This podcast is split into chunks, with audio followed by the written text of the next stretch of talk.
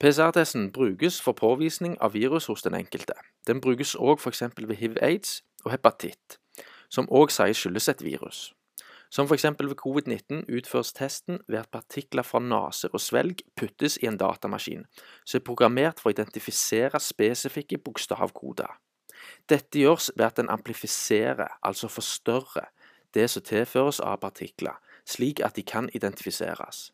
Dette inkluderer òg forurensningene, fra snørr, spytt, døde celler, pollen, diverse aerosoler osv. Den vil med andre ord finne nåla i høystakken uansett dersom amplifiseringa er høy nok.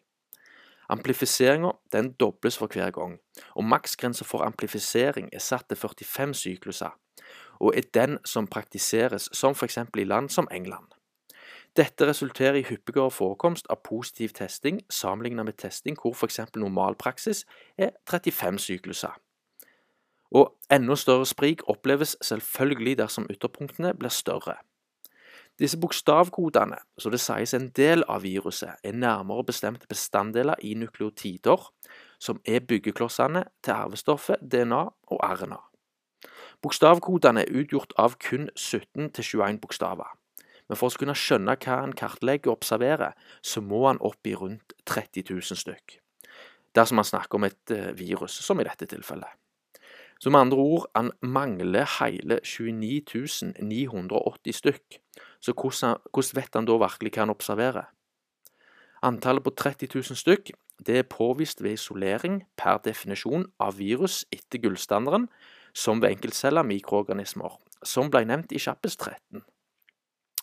Når det er sagt, disse få bokstavkodene som skal være spesifikke for SARS-CoV-2, de korresponderer med hele 74 bokstavkoder fra menneskets genstruktur og hele 100 av bakteriers genstruktur, med en identitetsprosent på 100% for både mennesker og bakterier.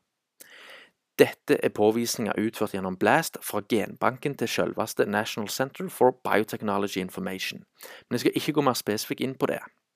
Summert opp så vil det si at PCR-testen tester positivt for noe som kan finnes overalt.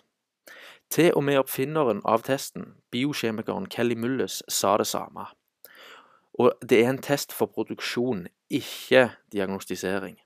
For den vil finne noe i alle til syvende og sist, og i hvert fall dersom det ikke er spesifikt.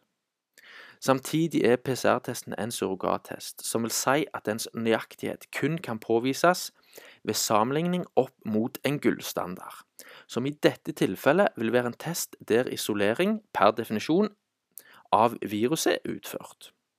Men som jeg har nevnt tidligere, per dags dato er ikke dette gjort. Og til tross for at eh, dette er til tross for at gullstandardprosessen er eksisterende, som nevnt og ved Kjappes 13. Og Et eksempel på en annen surrogattest er blodprøve for påvisning av kreft sett opp mot gullstandarden, som vil være en PET-scan. Men jeg skal heller ikke gå nærmere inn på det. Så PCR-testen den blir fullstendig ubrukelig, og ingen vet falsk positiv negativ.